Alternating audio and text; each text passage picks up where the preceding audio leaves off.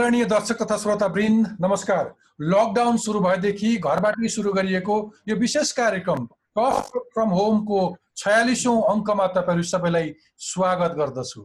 तपाईँ जहाँ भए पनि हरेक दिन राति नौ बजे म यो कोरोना भाइरस अथवा कोभिड उन्नाइस विशेष कार्यक्रम टफ टक तपाईँसँग लिएर आउने गर्छु। तपाईँ यो कार्यक्रम टफ टकको Facebook page tough टकको YouTube page Hamro Patro app मेरो ट्विटर ह्यान्डल र इन्स्टाग्राममा हेर्न सक्नुहुनेछ अनि सधैँ आइओएस र एन्ड्रोइडको पडकास्टमा सुन्न सक्नुहुनेछ।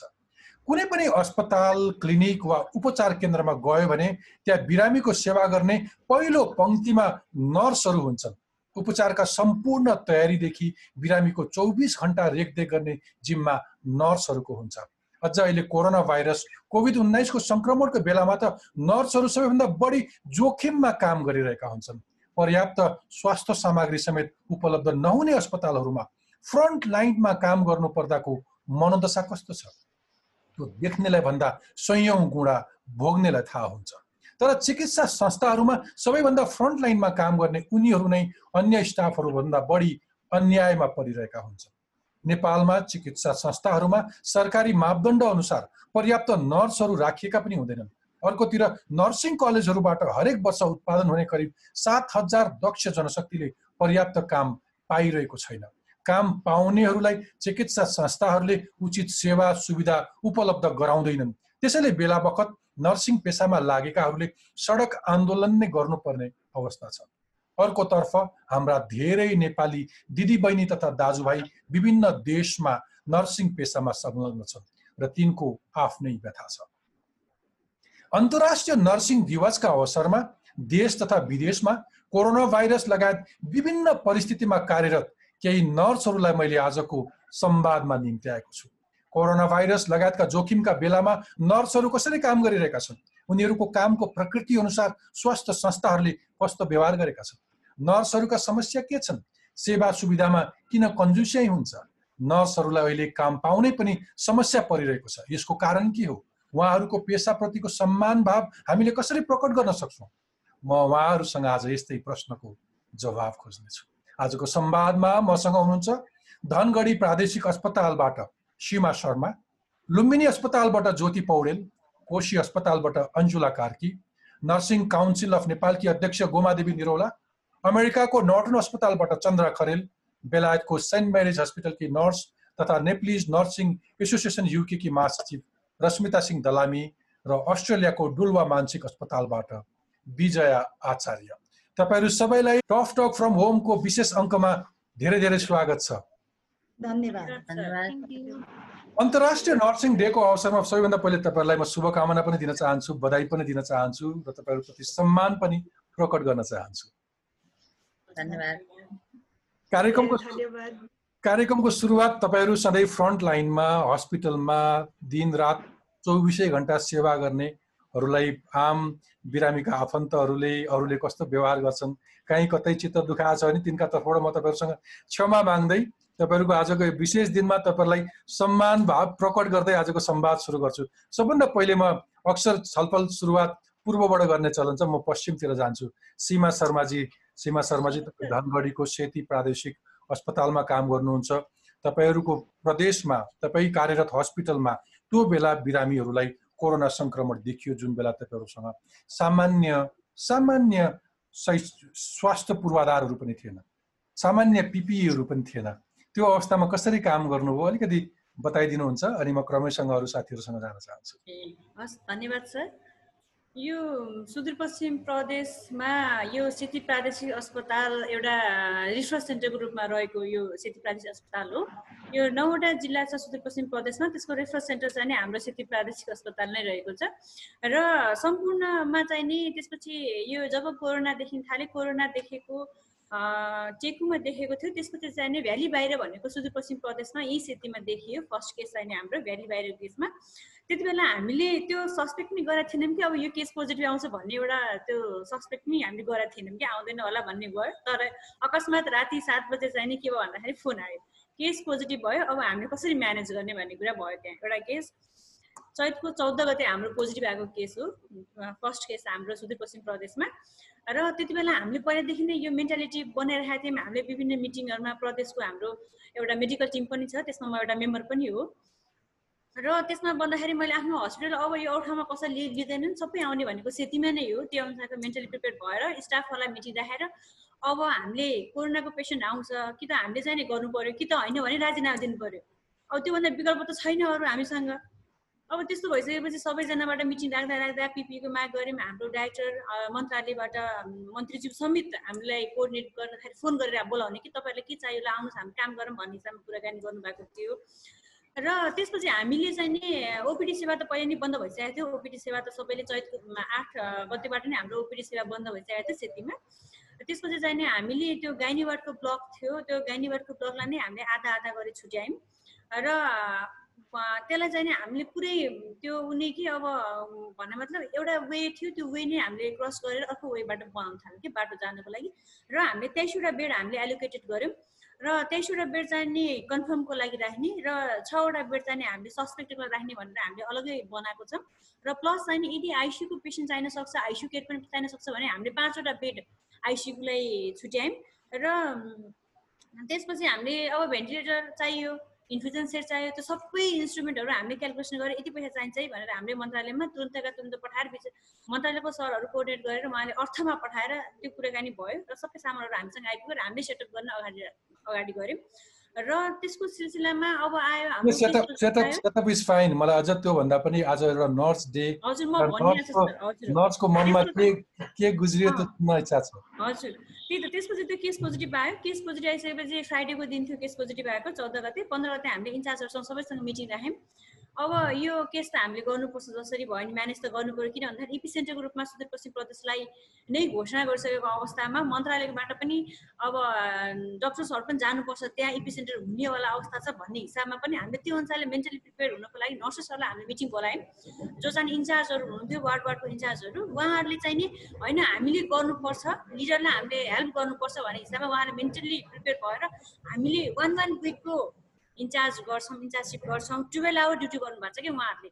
सात बजीदेखि बेलुका सात बजीसम्म के ड्युटी आवर है त्यो एकदम कमेन्डेबल छ कि त्यसको लागि होइन? त्यो अब थ्याङ्क यू भन्नुपर्ने नै छ त्यसको लागि। बाह्र घन्टा ड्युटी गर्नुपर्छ उहाँहरूले। अनि गर भनेर होइन कि आफै सेल्फ इनिसिएट गरेर कि म गर्छु हामी गर्छौँ यसरी कि अब त्यो एउटा राम्रो पक्ष छ उहाँको सबैजनाको। त्यसपछि चाहिँ नि हामीले नर्सिङ स्टाफलाई पनि हामीले पहिला चाहिँ नि हामीले वार्डकै नर्सिङ स्टाफलाई हामीले मोबिलाइज गऱ्यौँ। त्यसपछि होइन फेरि हामीले सूचना गरेर नयाँ नर्सिङ स्टाफ आउनुभयो र उहाँहरूलाई पनि हामीले त्यो बहिनीहरूलाई पनि हेल्प गर्नुपर्छ। हामीले छुटेर अलग्गै बस्ने सिनियर भन्ने हिसाबमा होइन कि सिनियर जुनियर हामीले आधा आधा गरेर हामीले जानुपर्छ भन्ने हिसाबमा उहाँले आफै भन्नुभयो कि। त्यसपछि जाने त्यो अनुसारले कोअर्डिनेसन गरेर हामीले सिनियर र जुनियरलाई हामीले मिक्स मिक्सअप गऱ्यौँ र हामीले वार्ड छुट्यायौँ। वार्ड गर्दाखेरि पनि अब डाइरेक्टली नर्सिङलाई हामीले एक्सपोजर गराउँदा भएन कोभिडकोमा। भनेपछि अब लेआउटहरू कहीँ पनि थिएन बनेको कि कस्तो बनाउने आइसोलेसन वार्ड। अहिलेसम्म छैन क्वारेन्टाइनको चाहिँ नि गाइडलाइनहरू आएको छ तर लेबर चाहिँ आएको छैन। आफै युट्युब हेर्दै डब्लुएचओ गाइडलाइन फलो गर्दै गर्दै वाइफाई इस्टाब्लिस गराएर त्यसपछि चाहिँ नि के अरे सिसिटिभी क्यामेरा जोड्यौँ। अलग्गै भवनलाई हामी त्यो भवन खाली गराएर त्यहाँ नर्सिङ स्टेसन राख्यौँ र फोन राख्यौँ जसले गर्दा चाहिँ नि आफू नर्सिङहरू सेफ भएर हामीले अरूलाई केयर गर्न सकिन्छ भन्ने हिसाबमा हामीले फर्स्ट एटेम्प गऱ्यौँ क्या त्यो कुरा। अनि जियोस् नर्सिङ एज अ लिडर भइसकेपछि चाहिँ त्यो अरूले रेस्पोन्स शुद्ध भन्यो भने सबैले जस मान्नु हुँदो रहेछ कि? एउटा हामीले जस बाटो देखाएपछि लिड गरिसकेपछि उहाँले मान्नुहुँदो रहेछ। र नर्सिङमा चाहिँ नि त्यत्रो बाह्र घन्टा ड्युटी गरेर पनि उहाँले कहिले पनि मलाई यस्तो भयो यस्तो भयो हुन्छ नि एउटा कुराको। डिसेटिस्फ्याक्सन जस्तो यस्तो गर्नुभयो। अब त्यस्तो कुरा कहिले भयो भने कि? एकदम डेडिकेटेड भएर जस्तो सुकै सिचुएसनमा पनि उहाँहरूले काम गरिराख्नु भएको अवस्था छ कि अहिलेको सीमाजी सीमाजी ह्याट्स अफ छाती गर्व फुलिरहेछ मेरो। क्या गर्व लाग्ने कुरा गर्नुभयो? हामी केन्द्रमा दोष लाउँछौँ सरकारलाई मन्त्रालयलाई तर स्थानीय स्तरमा फ्रन्ट लाइनमा बसेर बिरामीका सेवाका लागि तपाईँको तहबाट भएको व्यवस्थापकीय कुरा र तपाईँहरूसँग भएको त्यो त्यो भावना प्रशंसनीय छ। धेरै धेरै खुसी लाग्यो। तपाईँले म त मेरा दर्शक श्रोतालाई भनिदिउँ सीमा शर्माजीले गएको बाह्र वर्ष यो पेसामा क्रियाशील रहँदाखेरि अत्यन्तै दुर्गम भेग बजाङमा बसेर काम गर्नुभएको छ। डडेलधुरामा बसेर काम गर्नुभएको छ। डोटीमा बसेर काम गर्नुभएको छ। सीमाजी यो यो विपद परिस्थितिमा तपाईँहरूले जसरी साहसका साथ काम गर्नुभयो हुन त हामीले केही गुनासो गऱ्यौँ कि हामीसँग केही पिपिई थिएन। तर अमेरिकामा पनि धेरैहरूले सुरुको समयमा पिपिई पाउनु भएन। चन्द्र खरेलजी हुनुहुन्छ नर्टन हस्पिटलबाट अमेरिकाबाट गएको करिब पचास दिनदेखि कोरोना सङ्क्रमण विरुद्ध निरन्तर लागिरहनु भएको छ। चन्द्र खरेलजी तपाईँको अनुभव सुनाइदिनुहोस्। नमस्कार। सर्वप्रथम त म दिलभूषण पाठकजीलाई टफ टक सोमा हामी सबै नर्सेसहरूलाई इन्भाइट गरेर एप्रिसिएसन दिनुभएकोमा धन्यवाद दिन चाहन्छु। त्यसपछि सबै दर्शकहरूलाई पनि म नमस्कार गर्दै अनि अहिले जति हामी पार्टिसिपेन्ट नर्सेस छौँ अनि रहेको सबै नर्सेसहरू जहाँबाट जसरी काम गरिरहनु भएको छ उहाँहरूमा चाहिँ मेरो तर्फबाट एप्रिसिएट गर्न चाहन्छु। अनि मेरो अनुभव म सिधै सुनाउन चाहन्छु। हजुरले भनिरह भनिहाल्नुभयो यहाँ अहिले अमेरिकामा इपी सेन्टरको रूपमा चाहिँ एकदम रोग फैलिएको छ तपाईँलाई थाहा भइसकेको छ। अनि सीमाजीको जुन अनुभव अहिले सुनाउनु भयो म यति धेरै खुसी भएँ त्यति त्यति दुर्गम ठाउँमा पनि तपाईँले यस्तो राम्रोसँग काम गर्नुभएछ अर्गनाइज गरेर नेपाल हाम्रो देश भन्न चाहन्छु म। यति सङ्कटको समयमा मिलेर काम गर्नु हुँदो रहेछ धेरै खुसी लाग्यो। किनभने हामी अमेरिकामा छौँ तर त्यति कोअर्डिनेट भएर अमेरिकाले राम्रो काम गर्न सकेको छैन जस्तो मलाई लागेको छ। तपाईँहरूले बुझिसक्नु भएको छ होला। अब म डाइरेक्टली जुन इपी सेन्टरमा छैन तर म जुन हस्पिटलमा काम गर्छु म पनि हजुरले अघि भनिसक्नुभयो पचास दिनभन्दा बढी कोभिडको पेसेन्टहरूसँग नै निरन्तर काममा लागिराखेको छु। मलाई सङ्क्रमण भएको जस्तो लागेको थियो चेकअप भयो तर नेगेटिभ रिजल्ट आयो। पेसेन्टहरू अहिले पनि हामीसँग धेरै मात्रामा हुनुहुन्छ। हाम्रो डिफ्रेन्ट रेसको रेसिस रेसको पेसेन्टहरू हुनुहुन्छ हामीसँग। हामी नेपालीहरू पनि हामी यहाँ धेरै नै छौँ। अहिले नेपालीहरूमा पनि सङ्क्रमण बढेर मर्ने क्रम भइराखेको छ। तर जुन अमेरिकामा एउटा इन्फ्रास्ट्रक्चर छ जुन कुराहरूलाई हामीले राम्रोसँग मोबिलाइज गरेर काम गऱ्यौँ भनेदेखि हाम्रो पेसेन्टहरू जाति भएर हामीले घर पठाइराखेका छौँ। यसमा मेन्टली साइकोलोजिकली हामीलाई प्रेसर चाहिँ एकदमै परेको छ। हामी काम गर्न जाँदाखेरि मैले पहिलेदेखि भनिरहेको छु जानुभन्दा अगाडि नै अलिकति होस घुमाएको जस्तो एकदमै डर भइराखेको हुन्छ। आज एकदम जोगिएर काम गर्छु भनेर उहाँ पुग्छु। उहाँ पुगिसकेपछि जोगिने चान्स नै हुँदैन। तर यसको मतलब हामी डाइरेक्ट गएर एक्सपोज त हुँदैनौँ तर जुन इक्विपमेन्टको कुरा आयो जुन हामीसँग लाउनु पर्ने पिपिएको कुरा आइराखेको छ त्यो चाहिँ अभाव नै छ। आज हिजोसम्म पनि हामीसँग पिपिएको पिपी केही मात्रामा थियो। अहिले त जुन मास्क हामीले लगाउँदैछौँ त्यो मास्क पनि डोनेट गरेको एकदम पातलो खालको जुन हामीले चाहिँ यहाँनिर जुन हामीले एकदम भित्र चाहिँ हावाहरू राख्नुपर्ने हुन्छ क्रिएट गर्नको लागि सिल गर्छौँ। त्यो सिल पनि एकदम कमजोर सिल पनि नहुने खालको मार्क्सहरू आइरहेको छ। र हामी पोजिटिभ पेसेन्टसँग काम गर्दा एउटा सर्जिकल मास्क मात्रै लगाउँछौँ जसले सर्जिकल मास्क भनेको त एउटा अपरेसनको लागि पेसेन्टको इम्युनिटी कमी हुँदाखेरि लगाउने र हामीसँग भएको इन्फेक्सन पेसेन्टमा नजाओस् भन्नका लागि मात्रै लगाउने हो। हामीलाई त जोगिने चान्सै छैन त्यसबाट। ठिक छ। हुन्छ। हुन्छ। तपाईँले त्यहाँको एउटा चित्र देखाउनु देखाउनु तपाईँहरू कुन अवस्थामा काम गर्दै हुनुहुन्छ? बेसिकली तपाईँको कामका बारेमा मेरो आम दर्शक श्रोतालाई थाहा पनि होस्। भन्ने एउटा चाहना हुन्छ। म क्रमैसँग आउँछु। हामी धेरै सहभागी छौँ। समयको पनि सीमा छँदैछ। म अब ज्योति पौडेलजीकोमा जान चाहन्छु। ज्योति पौडेलजी लुम्बिनी अस्पतालमा काम गर्नुहुन्छ। बुटवलमा यो अस्पतालमा अहिले सङ्क्रमणहरू रोगीहरूको सङ्ख्या बढ्दो छ। तपाईँले आज रातो टिका लगाएर आउनु भएको छ। सम्भवतः आज तपाईँले नर्सिङ डे मनाउनु भयो तपाईँहरू फ्रन्टलाइनमा काम गर्नेहरूलाई त्यहाँका स्थानीयहरू तपाईँहरूप्रति सम्मान अभिनन्दन गरेको हुनसक्छ भनिदिनुहोस् ज्योतिजी कसरी काम गर्दै हुनुहुन्छ? यो सङ्क्रमण विरुद्ध कसरी लड्दै हुनुहुन्छ? दिलभूषण सर लगायत सम्पूर्ण गोमा म्याम लगायत सम्पूर्ण नर्सेसहरूलाई नर्सेसहरूमा नमस्कार। म लुम्बिनी प्रोभिन्सियल हस्पिटलबाट अनि अघि सरले पनि भन्नुभयो हो हामीलाई यो हाम्रो यहाँको मेसु डाक्टरले नर्सेसहरू फ्रन्ट लाइनमा काम गर्ने मेन योद्धा नै यिनीहरू हो भनेर उहाँहरूले चाहिँ सम्मान स्वरूप हामीलाई त्यो आज हाम्रो हलमा एउटा कार्यक्रम थियो त्यो हलमा उपस्थित सम्पूर्ण नर्सेसहरूलाई चाहिँ उहाँले टिका लगाइदिनु भएको थियो। यो पनि एउटा एकदम सम्मान नै मान्छु मैले यसलाई होइन। अघि मैले सीमा म्यामको एक्सपिरियन्स पनि सेयर गरेँ। अलिकति के भयो भने सुरुमा आउटब्रेक हुँदाखेरि सेतीमा भयो त्यस पछाडि कोसी अनि अलिकति हाम्रो प्रदेश नम्बर पाँच इभन भनौँ हाम्रो हस्पिटललाई चाहिँ अलिकति यो प्रिपरेसनको लागि हामीले टाइम पायौँ जस्तो लाग्छ मलाई होइन? त्यही भएर हामीले के गरेका छौँ भने लुम्बिनी प्रोभिन्सियल हस्पिटलको हाम्रो मेन हस्पिटल छुट्टै छ भने यो कोरोनाको लागि भनेर हामीले अस्थायी हस्पिटल जुन यही हाम्रो हस्पिटलकै ब्रान्च हो जुन हाम्रो यो बुटोलको बेस क्याम्पमा धागो कारखाना जुन केही वर्षदेखि बन्द अवस्थामा रहेको थियो त्यहाँ चाहिँ हामीले यो कोरोनाको लागि भनेर अस्थायी अस्पताल जुन हाम्रै हस्पिटलकै ब्रान्च हो त्यहाँ चाहिँ हामीले स्थापित गऱ्यौँ।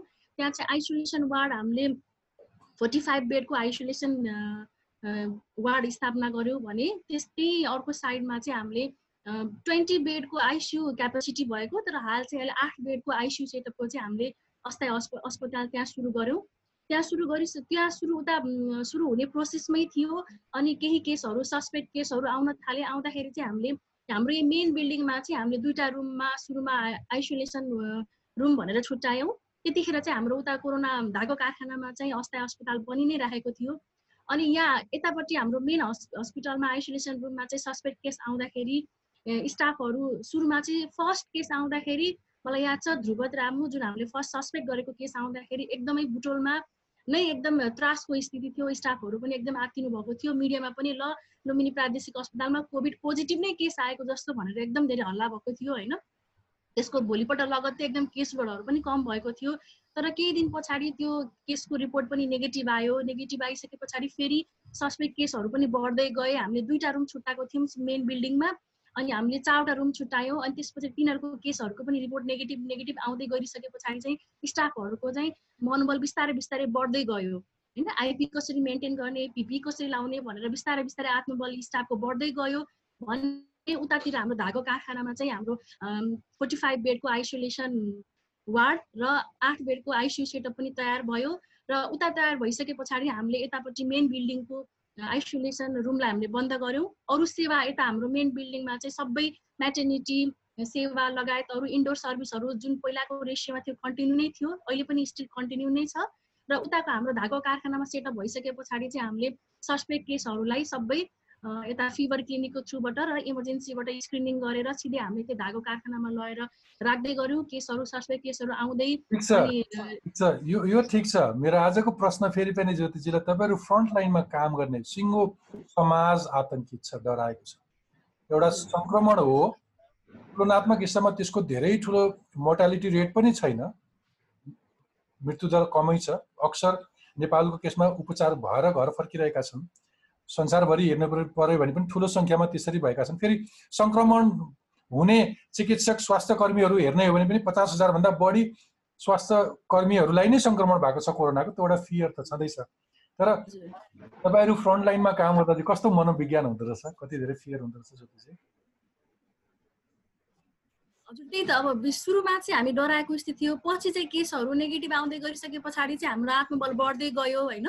अनि फेरि छुट्टै हामीले उतापट्टि आइसोलेसन रुममा छुट्टै उता धागो कारखानामा राख्न थालिसकेपछि अनि तर हाम्रो नर्सिङ टिमहरू पनि एकदम धेरै आत्तिनु भएन पछाडि होइन? किनभने हामीले सफिसियन्ट ट्रेनिङ आई आइपी कसरी मेन्टेन गर्ने पिपी कसरी लगाउने डनिङ डफिङ कसरी गराउने भनेर चाहिँ त्यहाँ त्यहाँ एक्सपोजर हुने स्टाफहरूलाई चाहिँ हामी त्यहाँ एक्सपोजर हुनभन्दा अगाडि पहिले नै ट्रेन गर्थ्यौँ। होइन नर्सिङ स्टाफ मात्रै नभएर त्यहाँ काम गर्ने सपोर्टिङ स्टाफहरू हुनुभयो होइन स्विपर सेक्युरिटी गार्ड हामी सबैलाई चाहिँ त्यहाँ एक्सपोजर हुनभन्दा पहिले नै वेल ट्रेन गराएर इच एन्ड एभ्री स्टेपमा चाहिँ यसरी यसरी जोखिम त हुन्छ तर हामीले यो यो विधिहरू अप्नायो भने चाहिँ हामीले जोखिमलाई चाहिँ कम गर्न सक्छौँ भनेर उहाँहरूले पहिले ट्रेन गरायौँ।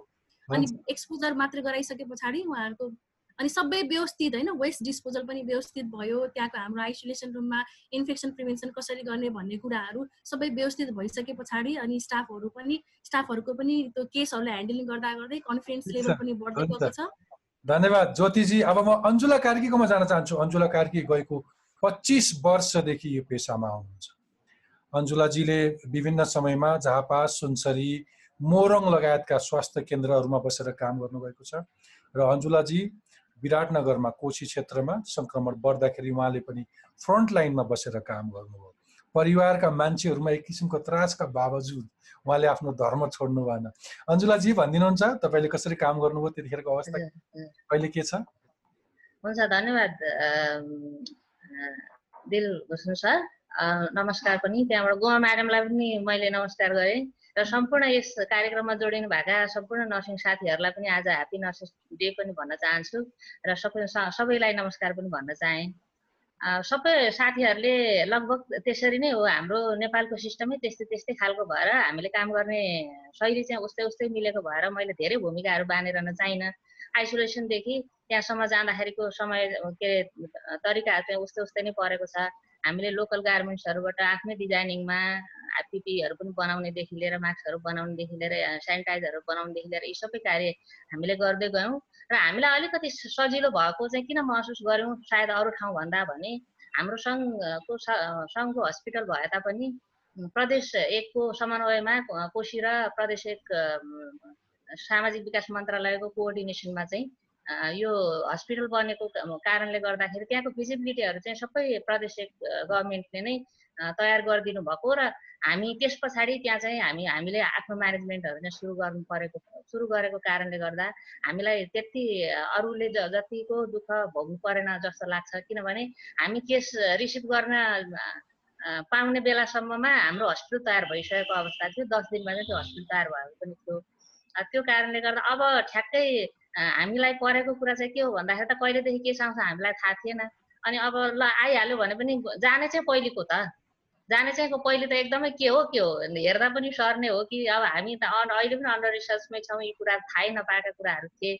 र हाम्रो लाइफमा यस्ता खालको महामारीहरू पनि हामीले सुनेका पनि थिएनौँ र पच्चिस वर्षको अनुभवमा हुन धेरै किसिमको महामारीहरूसँग काम चाहिँ गरियो। तर यो चाहिँ अलिकति अहिलेको सञ्चार माध्यम र सबै कुरोले पनि होला हामीलाई चाहिँ अलिक बढी त्यस्तो अलिक डर पनि भएको थियो।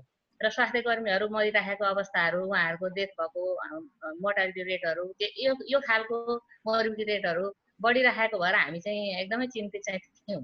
अब त्यो हुँदा हुँदै के भइदियो भनेदेखि अब को त जाने त भन्दाखेरि ल जो जो गए पनि ल यो यो व्यक्तिले चाहिँ ड्युटी लिस्ट बनाउने भन्नेमा चाहिँ ड्युटी लिस्ट बनाउनेमा मलाई नै राख्यो हाम्रो मेट्रोनज्यूले मलाई नै ल यो अब कोभिडमा फर्स्ट ड्युटी गर्न जानेको चाहिँ ड्युटी लिस्ट बनाउनुहोस् भनेर उहाँले इन्चार्जहरूको जिम्मा दिनुभयो। इन्चार्जहरूको ड्युटी लिस्ट मैले बनाइरहँदा मैले सबभन्दा फर्स्टमा अरूलाई राख्दाखेरि त उचित नहोला। भनेर अनि त्यसपछि फ्रन्टमा फर्स्ट विकमै फ्रन्टमा जानुपर्ने अवस्था चाहिँ मैले नै महसुस गरेँ र म मलाई मेरै नाम राख्छु भनेर मैले राखेँ। अनि जुन दिन चाहिँ हामीले त्यसरी ड्युटी राख्यौँ त्यसको ठ्याक्कै भोलिपल्ट बेलुका चाहिँ केस आउने आइ नै हाल्यो। अनि हामीलाई त्यसपछि चाहिँ कस्तो डर लाग्यो भने राति मध्य बाह्र बजे त्यस्तो समयमा केस आउने पनि ल्याउने पनि त्यस्तै सुरक्षा सहितको त्यो तरिकाले लिएर आइएको थियो। राति घरमा बसिराखेको बेलामा बाह्र बजी राति हामी केस रिसिभ गर्न गयौँ। र नम्बर अफ केस देखेर चाहिँ हामीलाई अलिकति किनभने हामीले टेकुमा सुनिराखेको चारवटा पाँचवटा केसहरू चाहिँ एडमिट भइरहेको छ भनेर सुनेको। हामीले पहिलो दिनमा एकैचोटि मध्य बाह्र बजे राति बाह्रवटा केस रिसिभ गर्दाखेरि ओ चारैतिरबाट झन् भाइरल लोड चाहिँ बढी भएर त हामी त अब एकदम छिटै नै हामी त सङ्क्रमित पो हुन्छौँ कि क्या जस्तो खालको पनि हामीलाई त्यो अनुभव पनि भएको थियो। तपाईँको अन्तर्वार्ता तपाईँको अन्तर्वार्ता पढेको थिएँ कि छोरीले अलिकति परिवारमा चिन्ता गरेर मामु किन जानु पर्थ्यो सबैलाई आफ्नो मामुको माया लाग्छ। अनि मेरै मामु चाहिँ किन जानु पर्थ्यो अरूको मामुहरू गएको भए पनि हुन्थ्यो भनेर भन्नुभयो तपाईँको छोरीले? हजुर हजुर। मेरो छोरीले त्यो भनिरहेको थियो। उसले चाहिँ अनि हजुरलाई अनि किन पहिले ड्युटी राखेको त्यत्रो अरू आन्टीहरू उसले अब चिने पनि छ अरू साथीहरूलाई पनि। अरू आन्टीहरू पहिले नभएर हजुर नै चाहिँ किन अगाडि चाहिँ जानुभयो त? भनेर चाहिँ उसले क्वेसन गरिरहेको थियो। तर मैले अब आफ्नो इथिक्सका कुरा आफ्नो रेस्पोन्सिबिलिटी आफ्नो प्रोफेसनका कुराहरू सबै कुरा उसलाई भनेपछि अनि त्यसपछि ल ठिकै छ भने। ऊ हामी जसरी दुई दिनसम्म तनाव भयौँ हाम्रो परिवार पनि दुई दिनसम्म त्यसरी नै तनावमा नै हुन्थ्यो। त्यस पछाडि बिस्तारै सिस्टम बस्दै गयो। भोलिपल्ट एउटा केस आएर तेह्रवटा भयो। त्यस पछाडि एक हप्ता ड्युटी गर्नेकोमा बिस्तारै बिस्तारै गरेर एकतिसवटा केस चाहिँ मेरो पहिलो हप्ता एउटा कुरा एउटा सन्देश चाहिँ कप्ती वस्तुमा बढ्दैछ। अरू केही जिल्लाहरूमा भोलि सङ्क्रमण बढ्ने सम्भावना छ। यो कोरोना भाइरसको स्वभावै हो। जबसम्म टेस्ट गर्दैनौँ अझ एउटा भनाइ नै थियो। एक सयवटा केस देखिन्छ नदेखिने समस्या हो। देखिएपछि सङ्क्रमणको सङ्ख्या यसरी गुटुटुटु दौडिन्छ भन्थ्यौँ। त्यस्तै दौडिरहेछ। आज त्यसरी पनि देख्यौँ। तर अञ्जुलाजीलाई चाहिँ त्यस्तो लाग्छ कि हामी अलिक बढी आत्तिएछौँ हामीसँग अब चाहिँ केही संयन्त्र बन्यो। यति धेरै आत्तिनु पर्दैन भन्ने सन्देश छ। देशभरि काम गर्ने अरू नर्सहरूलाई त्यस्तो के लाग्छ?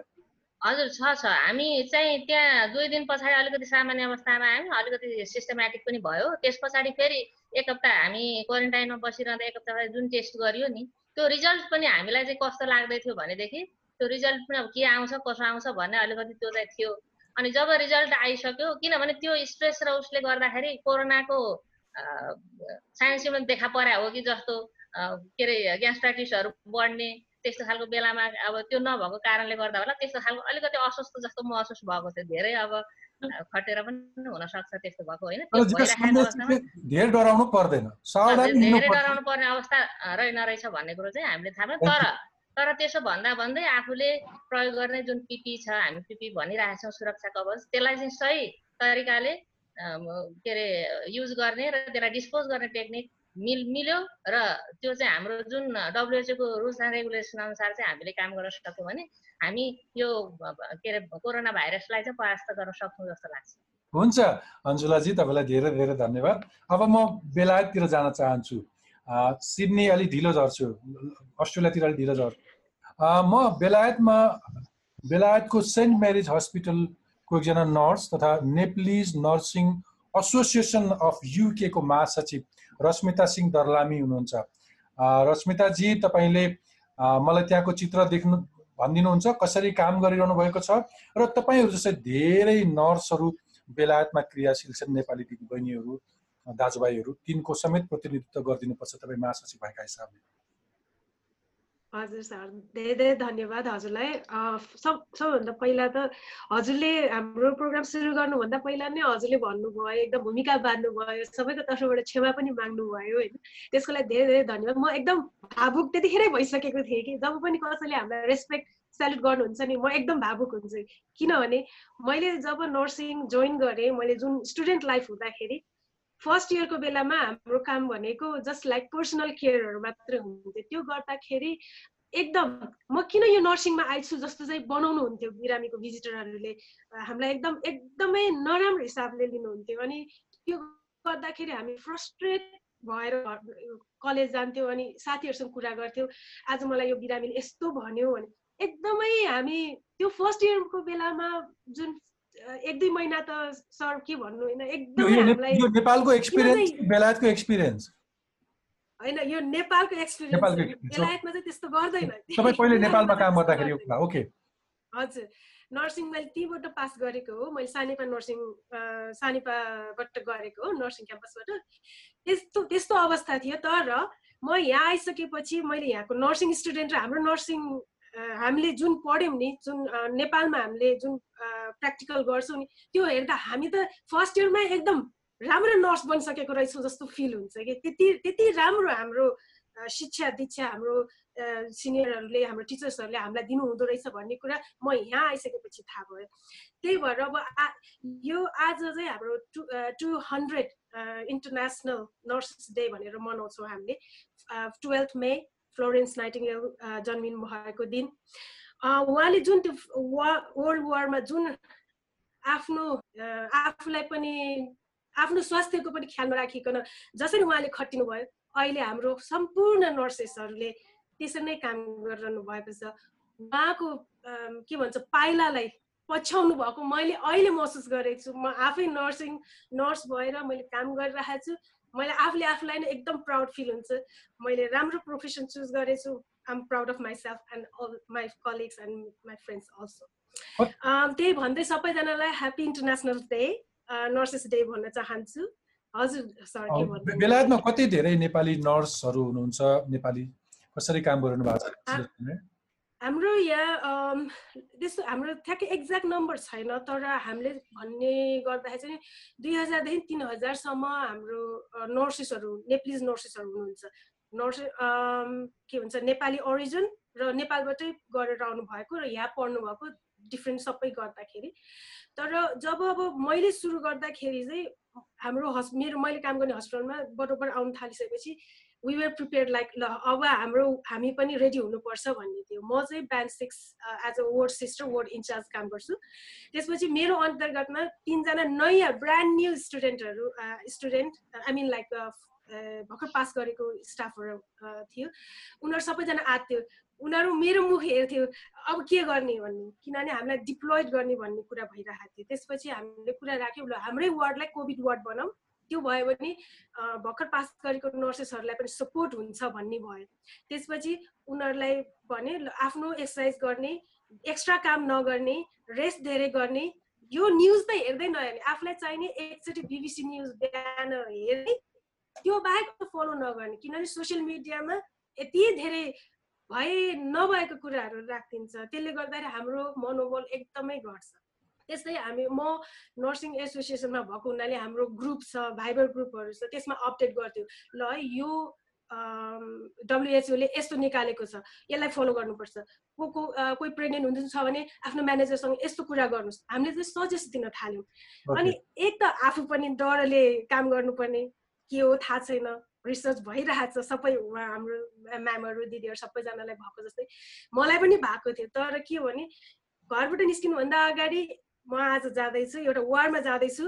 म एउटा आर्मी हो त्यस्तो हिसाबले गएँ त्यहाँ गइसकेपछि बिरामीहरू टनाटन सबै कोभिड पेसेन्टहरू हुनुहुन्थ्यो। त्यसपछि आफूभन्दा जुनियरलाई हेऱ्यो उनीहरूको मुख एकदम सानो। अब मलाई कहाँ एलोकेट गर्छ? त्यो हुन थाल्यो। त्यसपछि ह्यान्डओभर लिने बित्तिकै मैले के गर्थेँ ल एकचोटि स्ट्रेच गरौँ। लामो सास लिउँ हात खुट्टा तन्काउँ अनि जोक क्र्याक गर्थेँ अलिअलि। भए नभएको अलिकति जोक क्र्याक गरेपछि सबैजना खुसी हुन्थ्यो एलोकेट गर्थेँ। तर के गर्थ्यो भने मैले उनीहरूलाई अब्जर्भ गरिरहन्थ्यो म सपोर्ट गर्न गइरहन्थेँ। हाम्रो केयरमा कोभिडले डिस्चार्ज पनि भयो भने हामी थपडी माझेर मारेर सबैजनालाई बिदाय गऱ्यो भने डेड बडी पनि केयर गर्नु परेको थियो। अब भन्नुहोस् नयाँ स्टाफले त्यो dead body first time care गर्नु पर्दाखेरि कति गाह्रो हुन्छ होइन? धेरै इमोसनहरू थियो। अनि हामीले हामी चाहिँ एउटा लिडरलाई हेरेर अरूले पनि फलो गर्छ। त्यही भएर हामीले चाहिँ हामी इक्जाम्पल हुनुपर्छ त्यतिखेर। घर परिवारबाट प्रेसर आउँछ। सबैजना तँलाई जानै पर्छ।